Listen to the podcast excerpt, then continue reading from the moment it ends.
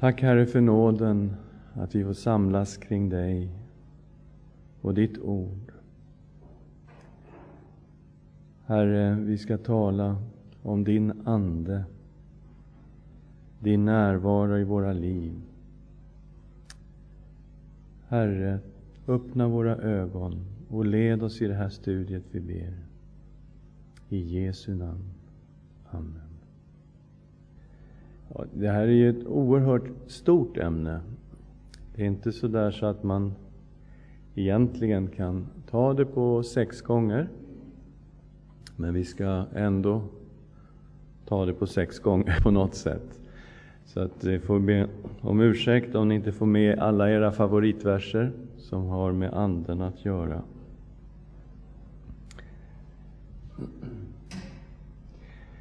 Den eh, idé som vi kommer att arbeta efter de här sex gångerna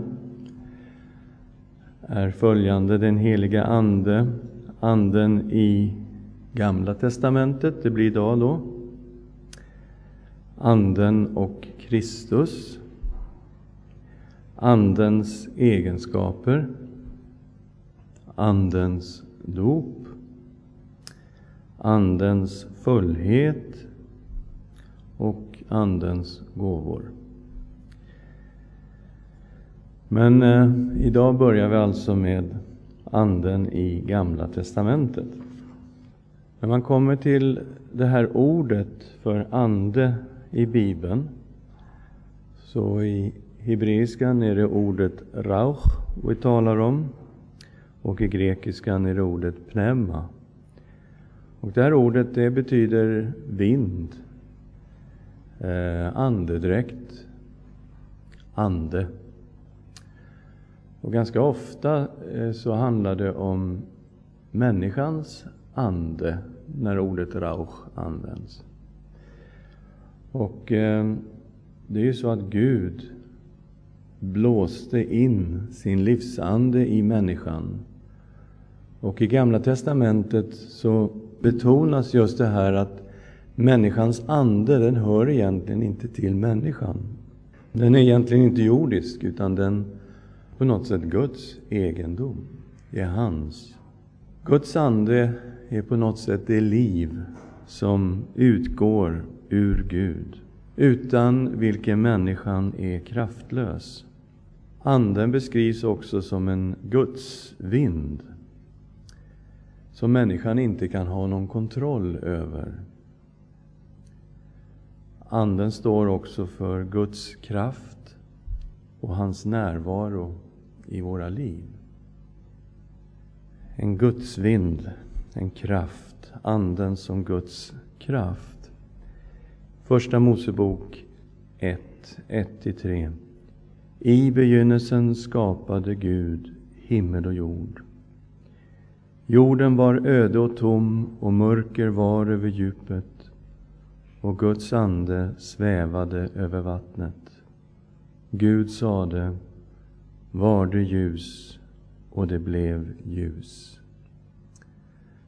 På något sätt anar vi redan i de här första tre verserna av Bibeln treenigheten av Fadern, Anden och Ordet, Sonen. Och här kan man säga, jag vet att Bibel 2000 använder ordet en gudsvind. Istället för att säga att Guds ande svävade över vattnet. Och, och, det är den här tanken som finns, det är ju samma ord. Att anden kan vara som en storm, en kraftig vind som blåser. Jag ska också läsa Jesaja kapitel 40, vers 6 8. Hör, någon säger predika. En annan svarar, vad ska jag predika? Allt kött är gräs, all dess härlighet är som blomster på marken. Gräs torkar, blomstret vissnar, när Herrens ande blåser på det. Ja, folk är gräs. Gräs torkar bort, blomstret vissnar, Men vår Guds ord förblir i evighet. Herrens ande som blåser på blommor och gräs så att det vissnar bort. Gudsvinden, tanken på Gud, som en vind som blåser. En vind som man inte ser, men som man ser verkningarna av. Man märker när vinden blåser. Och Det finns också ett samspel i Gamla testamentet mellan ordet och anden. Många ställen har vi den kopplingen och det ser vi särskilt när profeterna börjar tala. Ordet och anden är så oerhört nära förknippade. Anden som Guds kraft. Gideon har vi en person, Domarboken kapitel 6, vers 33 och 34. Och ni vet situationen med Gideon. Eh, landet härjades av midjaniter. De kom och rånade all skörd som fanns i landet. Och en dag så kommer Herrens ängel och talar till Gideon och säger Du ska bli den genom vilken Herren ska rädda sitt folk. Och Gideon säger, vem är jag? Jag är ju den minsta av allihopa. Hur skulle Gud kunna använda mig? Men han blev beklädd med Herrens andes kraft. Midjaniterna, amalekiterna och österlänningarna hade samlats och hade gått över Jordan och slagit läger i Israels dal. Men Herrens ande kom över Gideon. Han stötte i hornet och abiesriterna samlades och följde honom. Så, han bekläddes med kraft. Och på något sätt var det en kraft som kom helt utanför honom själv. Den fanns inte i honom. Men när han bekläddes med den heliga Andes kraft så fick han en oerhörd kraft. Och vi läser senare hur Gud vann en fantastisk seger genom just Gideon. När man tänker på kraft så tänker man ju också på Simson. Domarboken kapitel 14. Simson var ju en nasir. Han var en som redan från födelsen var överlåten åt Gud. Också han eh, på ett märkligt sätt född genom profetiskt tilltal, ängeln som kom. Och vi läser om Simson, den här märkliga kraften som han hade. Simson gick med sin far och mor ner till Timna. Men just när de kom fram till vingårdarna vid Timna kom ett ungt lejon rytande emot honom. Då föll Herrens ande över honom och han slet sönder lejonet med bara händerna, som om det vore en killing. Men han talade inte om det för sin far och mor, vad han hade gjort. Och när man läser just Simson så är det det att när Herrens ande kommer över honom så har han en, en oerhörd kraft som eh, ja, långt, långt, långt utanför honom själv. Och ni vet sen när han klippte håret så visade det sig att hans egen kraft var inte så mycket att höra för. Men den här kraften, den var oerhörd. Så Herrens ande uppenbaras i Gamla testamentet ibland som en väldig kraft.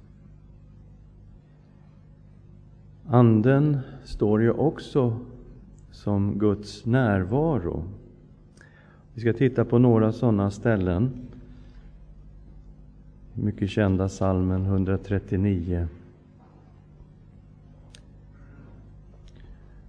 Vers 7 till 12. Psalm 139. Vart ska jag gå för din ande? Vart ska jag fly för ditt ansikte? Får jag upp till himlen är du där. Bäddad jag åt mig i dödsriket är du där. Tar jag morgonrodnadens vingar och gör min boning ytterst i havet, ska också där din hand leda mig och din högra hand fatta mig. Om jag säger må mörker falla över mig och ljuset blir natt omkring mig, så är inte mörkret mörkt för dig. Natten ska lysa som dagen och mörkret vara som ljuset. Överallt dit han kunde tänka sig att ta vägen så visste han att Gud redan var där. Gud, den allestädes närvarande Guden. Det finns ingen plats vi sätter vår fot på vägen till kyrkan idag och Gud inte redan är där. Och han säger, vart ska jag gå för din ande, var ska jag fly för ditt ansikte? Och här ser man att Guds ande och Gud själv är ju samma sak. Det är ju synonymer här. Det är ingen skillnad, det finns ingen delning här. Guds närvaro är också Guds andes närvaro. Det är samma sak. Vi har några märkliga ställen av Anden som är över människor och sen i sin närvaro spiller över till andra. Det är svårt att förklara, men vi ska titta på de här ställena, hur det här överspillandet kan gå till. Fjärde Mosebok kapitel 11 har vi en situation där Herren talar till Mose. Fjärde Mosebok 11 och vers 16. Då sa Herren till Mose, kalla samman 70 män av de äldste i Israel, sådana som du vet är folkets äldste och dess tillsyningsmän bland folket. För fram dem till uppenbarelsetältet och låt dem ställa sig där hos dig. Då ska jag stiga ner och tala med dig, och jag ska ta av den ande som är över dig låta den komma över dem. De ska tillsammans med dig bära bördan av folket, så att du slipper bära den ensam. Okay. Guds ande var över Mose. Han var en profet som fick tala Herrens ord. Och nu säger Herren, ta 70 äldste, ställ dem där vid uppenbarelsetältet och så ska jag på något sätt plocka den här handen och lägga på dem. Ja. Vi fortsätter i vers 24.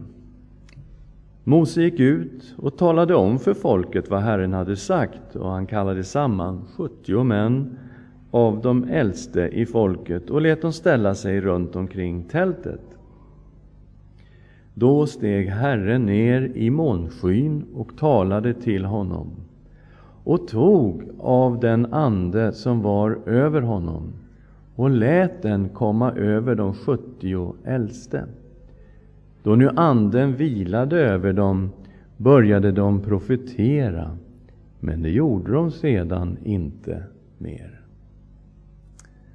Det är en intressant situation. Alltså en helige ande lokalt över en person, lokalt över profeten Mose.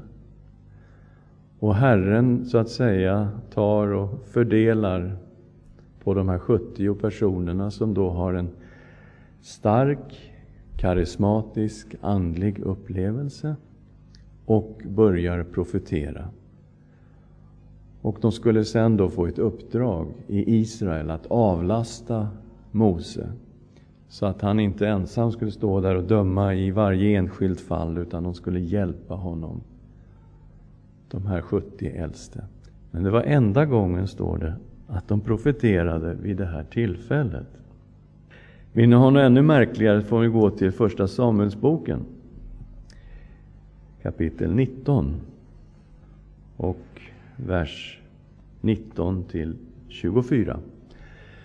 Och här har vi den situationen att kung Saul är ute efter David och vill på något sätt fånga honom, till och med döda honom. Och i den här situationen då så händer någonting mycket märkligt kring profeten Samuel och David finns med Samuel. Man berättade för Saul att David var i Najot vid Rama. Då sände Saul dit några män för att hämta David. Men när männen fick se skaran av profeter som profeterade och fick se Samuel stå där som deras anförare kom Guds ande över dem så att också de profeterade. När man talade om detta för Saul sände han dit andra män, men också de profeterade. När han då för tredje gången sände dit andra män profeterade de också. Då begav han sig själv till Rama. När han kom till den stora brunnen i Seko frågade han Var är Samuel och David? Man svarade de är i Najot i Rama. Då begav han sig dit till Najot i Rama, men Guds ande kom också över honom så att han hela vägen gick och profeterade ända till dess han kom fram till Najot i Rama. Då tog även han av sig kläderna och profeterade, också han inför Samuel. Han blev liggande naken hela dagen och hela natten. Därför brukar man säga, är också Saul bland profeterna. Det är märkliga saker som händer här. Herrens ande är över några få personer. Herrens ande är över Samuel. Och det finns profetlärjungar kring profeten Samuel. Och här verkar Guds ande i den här miljön. Och Saul skickar alltså ut några män för att ta fast David. Men när de kommer dit så blir de så påverkade av den ande som råder där, förklara detta någon för mig, att de börjar profetera. Ja, men får Saul höra här, det gick inte med första expeditionen, vi skickar dit några till, de kan väl åtminstone ta fast den där David. Och så börjar de också profetera. Och så tredje gänget hände samma sak. Och till slut går Saul själv dit. Han som är ute efter att döda David. Och när han kommer dit, då blir han så påverkad, till och med innan han kommer fram, så att han går och profeterar längs vägen. Och sen blir han ju då så på något sätt påverkad av Guds ande, så han tappar ju fullständigt kontrollen över sig själv. Intressant. På något sätt ser vi ju här ändå att den helige Ande beskriver Guds närvaro. Och när Saul kom in i denna närvaro så hände någonting oerhört. Är ni med? Visst är det märkligt? Mycket märkligt. Det vi också ser i Gamla testamentet det är ju att ehm, den heliga Ande är väldigt nära kopplad till speciella uppdrag och tjänster. Man kan tänka sig nådegåvor, om man ska översätta det till nytestamentliga termer, att människor får då vissa nådegåvor och blir berörda av Guds ande och tjänar, eh, smorda av Gud, med förmågor av Gud. Profeten Mika säger så här om sig själv i kapitel 3 och vers 8. Mika 3 och 8. Men jag är full av kraft, av Herrens ande, av rätt och styrka, så att jag kan förkunna för Jakob hans överträdelse och för Israel hans synd. Och här beskriver profeten att de ord som han talar, de kommer från Gud. Och det är i den heliga Andes fullhet som han talar ut mot synden i Israel. Och även Sakarja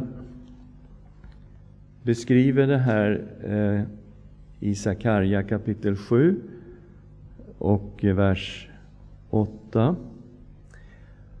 Och eh, här talar också Sakarja om andra profeter som har levt före honom. Där han poängterar att när de har talat och burit fram ord från Gud så har de gjort det i den heliga Ande, i Guds ande. Och Herrens ord kom till Sakarja, han sade så säger Herren Sebaot, döm rätta domar och visa varandra godhet och barmhärtighet. Förtryck inte änkan och den faderlöse, främlingen och den fattige. Och tänk inte ut ont mot, varen, mot varandra i era hjärtan. Men de ville inte ge akt på detta, utan var upproriska och stängde till sina öron så att de inte hörde. De gjorde sina hjärtan hårda som diamant, som att de inte hörde den undervisning och det ord som Herren Sebaot genom sin ande hade sänt genom sina gångna tiders profeter. Därför kom stor vrede från Herren Sebaot. Och liksom de inte ville höra när han ropade, vill jag inte höra när de ropar, sade Herren Sebaot. Här har vi det. Sakarja är fullständigt övertygade om att profeterna i Israel de har talat ord från Gud som de har fått genom den heliga Ande som har varit över dem. En annan tjänst där Guds ande blir synlig, förutom profettjänsten, det är ju kungen.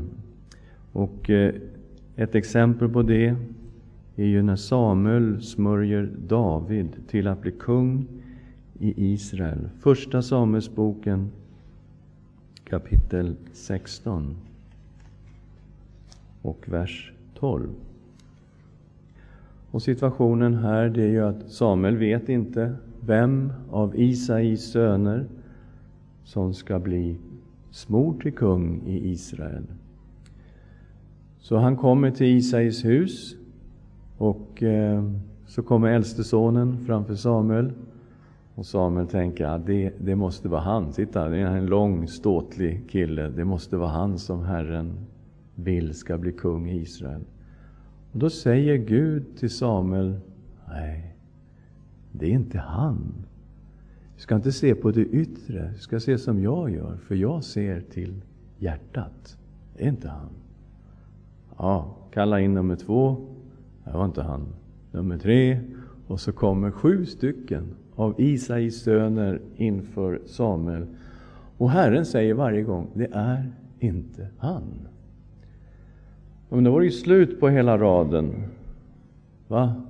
säger Samuel. Har du inte någon mer son? Jo, jo, jag har ju den här lilla grabben. Han är ute och vaktar får. Vi lämnar honom där ute vid fåren. Ingen människa hade tänkt på den här killen den unge David. Och då säger Samuel, hämta hit honom. Och när så David kommer inför Samuel, då läser vi i vers 12, kapitel 16 av Första Samuelsboken. Isai sände då bud och hämtade David. Han var rödkindad och hade vackra ögon och såg bra ut Stå, stå upp och smörj honom, sade Herren. Ty han är det.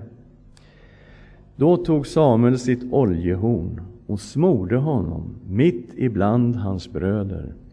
Och Herrens ande kom över David från den dagen och framöver. Sedan steg Samuel upp och gick till Rama.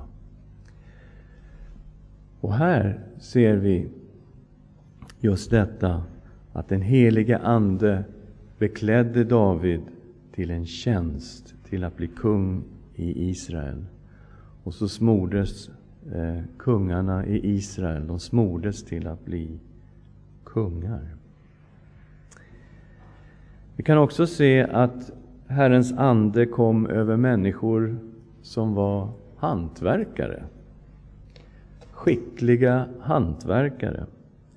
Och eh, när det var dags att bygga tabernaklet, det här tältet, när Israels barn var i öknen så fick ju Mose en uppenbarelse från Herren att de skulle bygga en gudstjänstlokal, kan man ju inte kalla det för, men ett, ett tält. Eh, och där skulle Gud vara med sin närvaro, för Herren ville bo mitt ibland sitt folk. Och de här det här tabernaklet var ju byggt på ett väldigt speciellt sätt, men så fanns det också konstföremål som skulle på något sätt tillverkas. Och det var inte inga enkla saker. Till exempel arken då som var en, som en trälåda överdragen med guld med ett mycket speciellt lock och det var keruber av guld på locket. Och det här skulle vara en bild av Herrens tron i himlen och att Gud så att säga skulle uppenbara sig där i det allra heligaste i det här tältet. Och i samband med det här så verkar Guds ande. Andra Mosebok kapitel 31 vers 1 till 5. Herren sa till Mose Se, jag har kallat Besalel, son till Uri, son till Hur av Judastam. Jag har fyllt honom med Guds ande, med vishet och förstånd och kunskap, med skicklighet i allt slags hantverk, så att han kan tänka ut konstfulla arbeten och utföra dem i guld, silver och koppar, slipa stenar för infattning och snida trä Ja, utföra alla slags arbeten. Och när vi tittar på det så ser det ut som Besalel fick en nådegåva genom den helige Ande att göra alla dessa föremål som hörde till tabernaklet, till prästdräkten och allt detta. Så Anden var som en kraft Anden var också som Guds närvaro. Anden gavs för vissa uppdrag och tjänster. Men så börjar profeten att tala om en helt ny tid. Det nya förbundets tid. En tid när Guds ande inte skulle vara begränsad utan obegränsat vara tillgänglig för alla människor. Och det här är någonting helt unikt som just kommer i Nya testamentet. Men profetiorna, de börjar i det gamla testamentet. Vi har den kända Joel-profetian och det ska ske därefter att jag ska utgjuta min ande över allt kött. Era söner och era döttrar skall profetera. Era gamla män ska ha drömmar. Era unga män ska se syner. Också över tjänare och tjänarinnor ska i de dagarna utgjuta min ande. Profeten säger någonting som är helt fantastiskt. Sett i ett gammaltestamentligt perspektiv är det här helt oerhört. Att det ska komma en tid, säger profeten Joel, när Guds ande ska utgjutas över allt kött, över alla människor. Oavsett språk, oavsett folkslag, oavsett var i världen de befinner sig.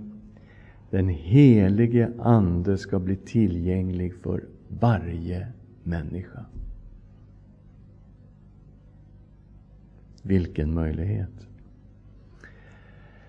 Det rör sig om alla åldrar, inte bara de äldre, även de yngre. Era söner och era döttrar ska profetera. Era gamla män ska ha drömmar. Era unga män ska se syner. Alla åldrar kommer att kunna beröras av den heliga Ande. Alla sorters människor, hög som låg, också över tjänare och tjänarinnor ska jag i de dagarna utgjuta min ande. Det här kommer inte vara bara för dem som är rika eller högutbildade eller har hög ställning eller någonting sånt. Nej, också de som står lägst i samhällsskalan. Också över dem ska jag de dagarna utgjuta min ande, säger Herren. Ja, har den tiden kommit? Ja, det har den ju. Jag vet inte om du, Amir, vill säga bara jättekort, en minut, om någonting du upplevde i veckan?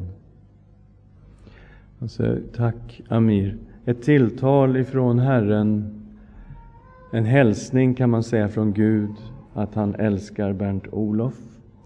Men i den heliga Andes uppfyllelse och kraft som var så stark att Amir måste kliva av bussen. Och svårt att hantera den här kraften som kom över honom, den heliga Ande. Alltså, era söner och döttrar ska profetera, era gamla män ska ha drömmar och era unga män ska se syner. Eh, visst, det är en ny tid som ska komma. Det nya förbundet talas det om. Vi läser också ifrån Jesaja bok kapitel 44. Jesaja är ju tidsmässigt något efter Joel. Jesaja 44, vers 3 och 4. Starka löften om vad Gud ska göra med den helige Ande över dem som längtar efter honom. Jag ska utgjuta vatten över det som törstar och strömmar över det torra. Jag ska utgjuta min ande över dina barn och min välsignelse över dina avkomlingar, så att de växer upp mitt ibland det gröna gräset som pilträd vid vattenbäckar. Det kommer en tid, säger profeten, när Herren ska utgjuta sin ande över dem som törstar efter Gud. De kommer att få dricka. Och det är bilder som är vatten över det som törstar och strömmar över det torra. Den tiden ska komma, säger profeten. Herren i Hesekiel börjar också tala om någonting när den heliga Ande så att säga blir utgjuten över allt kött och alla människor från olika folkslag och så vidare ska göra ett verk i oss. Inte bara bekläda oss med kraft, utan ska faktiskt bo i oss. Hesekiel kapitel 36 och vers 26. Jag ska ge er ett nytt hjärta och låta en ny ande komma in i er. Jag ska ta bort stenhjärtat ur er kropp och ge er ett hjärta av kött. Jag ska låta min ande komma in i er och göra så att ni håller mina lagar och följer dem. Guds folk, de som tillhör Herren, ska få uppleva någonting mycket fint. Stenhjärtat ska tas bort och ersättas med ett hjärta av kött. Och Guds ande ska komma in och bo i Guds folk och göra så att Guds folk får kraft att lyda Gud och hans ord. Det är resultatet, frukten av att den helige Ande bor i oss och uppfyller oss, är kraften att följa Gud och lyda hans ord. Anden, de här löftena om den heliga Ande, kopplas till en person, till Kristus. Att när den heliga Ande kommer, så kommer han i Messias. Vi ska läsa ett par av de profetiorna. Jesaja kapitel 11, vers 1-5. Men ett skott ska skjuta upp ur Isais avhuggna stam, en telning från hans rötter ska bära frukt. Vem var Isai? Vem var han? Davids farfar. Vi talar om, nej, Davids pappa förstås. Davids pappa hette Isai. Och ifrån den släkten ska det skjuta upp en, ett skott. Det ska komma en ifrån den släkten, från Davids släkt. Och det står att det ska komma ur Isais avhuggna stam. Ni vet att hela Eh, i, i Juda historia så kom ju kungarna ifrån Isai, från David. De var Davids söner hela vägen. Alla som var kungar i Juda. Men Herren har profeterat dom över Juda och trädet ska huggas av. Det ska bara bli en stubbe kvar av den här fantastiska släkten, Davids släkt. Men det är inte slutet. Det ska komma en telning, ett skott ska skjuta upp ur den här avhuggna stubben. En Davids son ska komma en dag. Och vad ska det då vara? Över honom ska Herrens ande vila. Anden med vishet och förstånd. Anden med råd och styrka ande med kunskap och fruktan för Herren. Han ska ha sin glädje i Herrens fruktan. Han ska inte döma efter vad ögonen ser eller utöva lag efter vad öronen hör, utan med rättfärdighet ska han döma de fattiga och med rättvisa skaffa rätt åt de ödmjuka på jorden. Han ska slå jorden med sin muns stav och med sina läppars andedräkt döda de ogudaktiga. Rättfärdighet ska vara bältet runt hans midja, trofasthet bältet om hans höfter och så vidare. Så börjar han beskriva ett rike som liknar själva paradiset. Där vargar betar tillsammans med lamm. Och ett, ett, ett Guds rike ska den här sonen av David upprätta. Och han ska göra det i den helige Andes fullhet och kraft. Davidssonen, Herrens tjänare. Jesaja kapitel 42. Och när vi läser de här verserna, Jesaja 42, om Herrens tjänare, så tänk på Jesus. tänk på Jesu dop.